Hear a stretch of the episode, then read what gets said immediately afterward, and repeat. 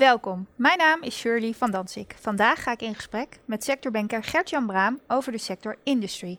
Ik bespreek met hem de trending topics, de belangrijkste kansen en hoe je koplopers kunt herkennen. Ik ben benieuwd. Gert-Jan, hoe omschrijf jij de sector industrie?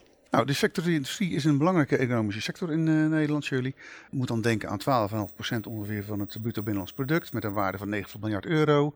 De industrie is goed voor zo'n 60% van de investeringen in uh, R&D en uh, innovatie. Dat maakt bijna 45% uit van de, van de Nederlandse export. En biedt werk aan bijna 900.000 werknemers.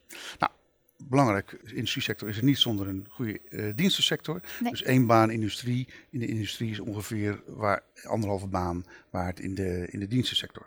En het mooie aan industrie is dat je met technologie en innovatie oplossingen biedt voor allerlei maatschappelijke problemen. Hè, rondom klimaat, gezondheidszorg, voeding. Vind jij die combinatie uh, zo interessant aan de sector? Is dat wat voor jou opvalt? Nou, dat is gewoon hartstikke leuk, want het, is, het doet gewoon echt toe. Je maakt gewoon echt mooie dingen. Zonder industrie draait er niks. En, en eh, we zien een paar belangrijke thema's. Hè. We zijn veel bezig met innovatie in producten, maar ook met innovatie in materialen en het recyclen van materialen. Dat doen we door in het kader van de circulaire economie.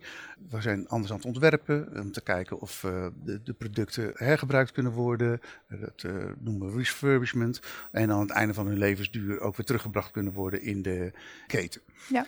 Dat is allemaal ten behoeve van het behoud van grondstoffen. Het tweede, en heel belangrijk, is natuurlijk de digitalisering. De gigantische versnelling die digitalisering met zich meebrengt. Dat maakt niet alleen producten slimmer, maar het maakt ook de uh, productieprocessen slimmer, sneller, uh, flexibeler en uh, foutlozer. En dat bij elkaar zorgt ervoor dat we de maakindustrie concurrerend houden. Oké. Als we dan kijken naar trends en ontwikkelingen, wat zijn volgens jou dan uh, de trending topics voor deze sector? Ja, een aantal trending topics zijn er te noemen. Laten we er eentje vatten onder, onder Smart Factory. Belangrijke kernwoorden zijn daar digitalisering en connected. En het, het draait hier om de, de, verbetering van de efficiëntie in, eigenlijk in alle processen. Wat uitmondt in verbetering van de kwaliteit van producten door eigenlijk de reductie van, uh, van faalkosten. In alle fases brengt de digitalisering een, een versnelling. In de ontwikkelfase, maar ook in de orderfase. Er zijn geen onduidelijkheden in tekeningen. Er is een één op één koppeling met het werkvoorbereidingsproces. één op één eh, koppeling met, de, met het uh, productieproces. Dat levert een kortere doorlooptijd op en een, kortere time to market. Daarmee breng je je organisatie, word je flexibeler en heb je een betere positie uh, op de eindmarkt. Aardig hierbij te vermelden is dat met al die nieuwe technologie en de sensoring de gebruiksfase ook data oplevert voor productverbetering, maar ook voor het ontwikkelen van diensten. Daar komen we straks nog even op. Je had het ook nog over een tweede en derde topic. Ja, het tweede topic is uh, productiviteit. Daar ja. gaan we veel dingen onder. Twee dingen zijn daar belangrijk. Eén is procesoptimalisatie en standaard maatwerk. Dus je moet zorgen dat je processen zo lean mogelijk zijn. Dat er een, een echt een flow door de... Door de een door... term die ik vaak hoor, hè? lean. Ja, nou ja, dus, dus lean, dat, dat er een, een, een continue flow is door, door het productieproces heen. Dat producten niet stilstaan ergens in het proces, maar dat het... Een, een, loopt lekker door. Loopt lekker door, ja. dat is één. En twee is werken naar standaard maatwerk. Dat is vaak bij machinefabrikanten of systeemleveranciers. Zorg dat niet dat je alles opnieuw ontwerpt, maar dat je in productgroepen gaat werken en modulair kan produceren. Dat is één. Twee is natuurlijk de robotisering die we net genoemd hebben. Nou ja, dat is een trend en dat zal alleen maar uh, toenemen uh, hand over hand. Want met die robots, die zijn natuurlijk steeds flexibeler geworden. Ze zijn kleiner en ze zijn makkelijker te verplaatsen. Ze zijn slimmer geworden, er zit vision technologie op. Ze zijn uh, makkelijker te gebruiken en instellen en omstellen in een, in een handomdraai. En last but not least, ze zijn veel goedkoper geworden. En dat geeft je gewoon de kans om steeds kleinere series kostenefficiënt te produceren. En dat verbetert de productiviteit, verbetert de positionering en die winstgevendheid van je, van je onderneming. Helder. Dan ben ik ook nog benieuwd naar het derde topic. Ja, dat uh, noemen we servitization. Dat is eigenlijk een, mooi woord zeggen, het ontwikkelen van diensten rondom je product.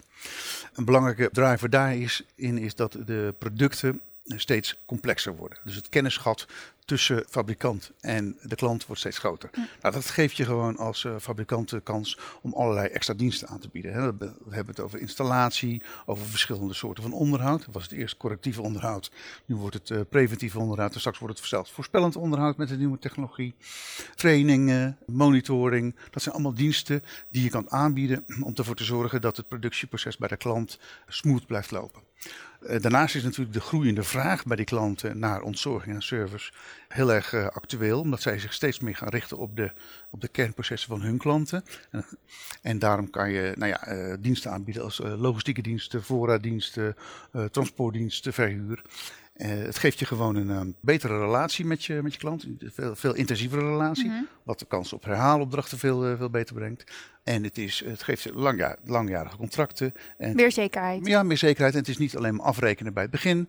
Maar het is een continue afrekeningsstroom. Omdat je bijvoorbeeld met de abonnementen gaat werken. Ja, nou, het einde van 2019 uh, nadert. Hè? wat zijn jouw verwachtingen voor de sector in 2020? Nou, 2019 uh, nadert het einde inderdaad. We hebben nog, we hebben dit jaar is de groei wat afgenomen. We, zijn, we komen uit op 1% groei dit jaar. Voor 2020 verwachten we uh, nog wat meer vertraging zou nog wel eens tegen een stilstand aan kunnen lopen. Maar we zitten nu nog op een klein plusje van een half procent. Mm -hmm. Maar het heeft met name te maken natuurlijk met de onzekerheid in, uh, in de wereld. De, de, handelsoorlog tussen de VS en China, dat helpt niet mee. Uh, de brexit heeft uh, een terugslag gehad. Maar met name ook de exportorders die teruggelopen zijn. Want er zit een krimp in sinds het vierde kwartaal van, van 2018. Dus dat merk je gewoon. Belangrijk daarbij is te vermelden dat de Duitse industrie al een heel jaar in de krimp zit. Dat is natuurlijk een hele belangrijke af, afnemersmarkt voor onze industrie. Dus dat werkt ook niet mee. De chemie maakt een beetje een pas op de plaats. De metaalindustrie loopt een beetje op de golf mee. Positieve uitzondering is uh, de rubber- en kunststofindustrie, die dit jaar goed doet. En, uh, maar waar ligt dat aan dan? Dat ligt aan de afnemersmarkten. Die hebben een veel bredere afnemersmarkt. Oké. Okay. Ja. Okay. En wat zie je als kansrijke gebieden voor de sector en vooral ook waarom? Nou, er zijn uh, verschillende kansrijke gebieden. Het heeft natuurlijk alles te maken met de mondiale drivers. Hè. Groeiende wereldbevolking, groeiende behoefte aan gezond en duurzaam voedsel, behoefte aan uh, meer zorg, behoefte aan, uh, aan services, wat ik net al genoemd heb. Mm -hmm. Sterk groeiende connectiviteit en datastroom. En natuurlijk de klimaatakkoord, investering in CO2-reductie en energietransitie. Dat zijn de belangrijke drivers op de achtergrond. Nou, als je kijkt naar eindmarkten, en daar zijn ook we zijn waar we als Nederland sterk in zijn, dan kijken we met name naar de agrofoodsector naar de semiconsector de, en de high-tech toelevering de, die daarbij hoort, de medische technologie, sommige delen uit de automotive sector, niet brandstofgerelateerd, de bouwindustrie. Dat zijn de belangrijke, belangrijke sectoren. Belangrijk is dat je altijd blijft kijken van, je richt op, op de fabrikant of op eerste of tweede lijst toeleveranciers, maar met name partijen die echt een specifieke toegevoegde waarde leveren en daar eh, zich in, ja, in specialiseren. En tot slot, waaraan herken je de koplopers in de sector? Ja, koplopers je natuurlijk uh, aan de goede cijfers, maar B, ze hebben een duidelijke visie en strategie. Ze snappen hoe de eindmarkten werken, ze hebben daar een positie in genomen. Ze hebben een goede ketenpositie, ze kunnen zich duidelijk in doel ontwikkelen richting de klant. Of ze kunnen in de diepte gaan en steeds meer proces- en productiestappen in hun bedrijf halen, waar, waarmee ze interessanter worden. Dat is één. Twee is, ze zijn gericht op, echt op toegevoegde waarde. Hè?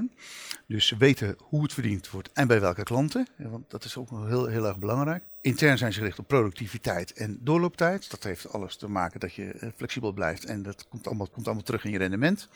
En ze gaan steeds meer klantspecifiek werken, merken wat ik net zei, en meer expertise inbrengen. Belangrijk daarnaast is dat ze blijven investeren in die onderdelen van de smart factory. Slim, snel, foutloos, flexibel, digitaliseren en robotiseren. Oké, okay, nou dankjewel Gert-Jan. Ik vond het een leuk gesprek. Dankjewel. Ik kan mij voorstellen dat jij als kijker of luisteraar behoefte hebt aan extra informatie over deze of andere sectoren. Ga dan met ons in gesprek of kijk hiervoor op ing.nl/sector. Bedankt voor je aandacht.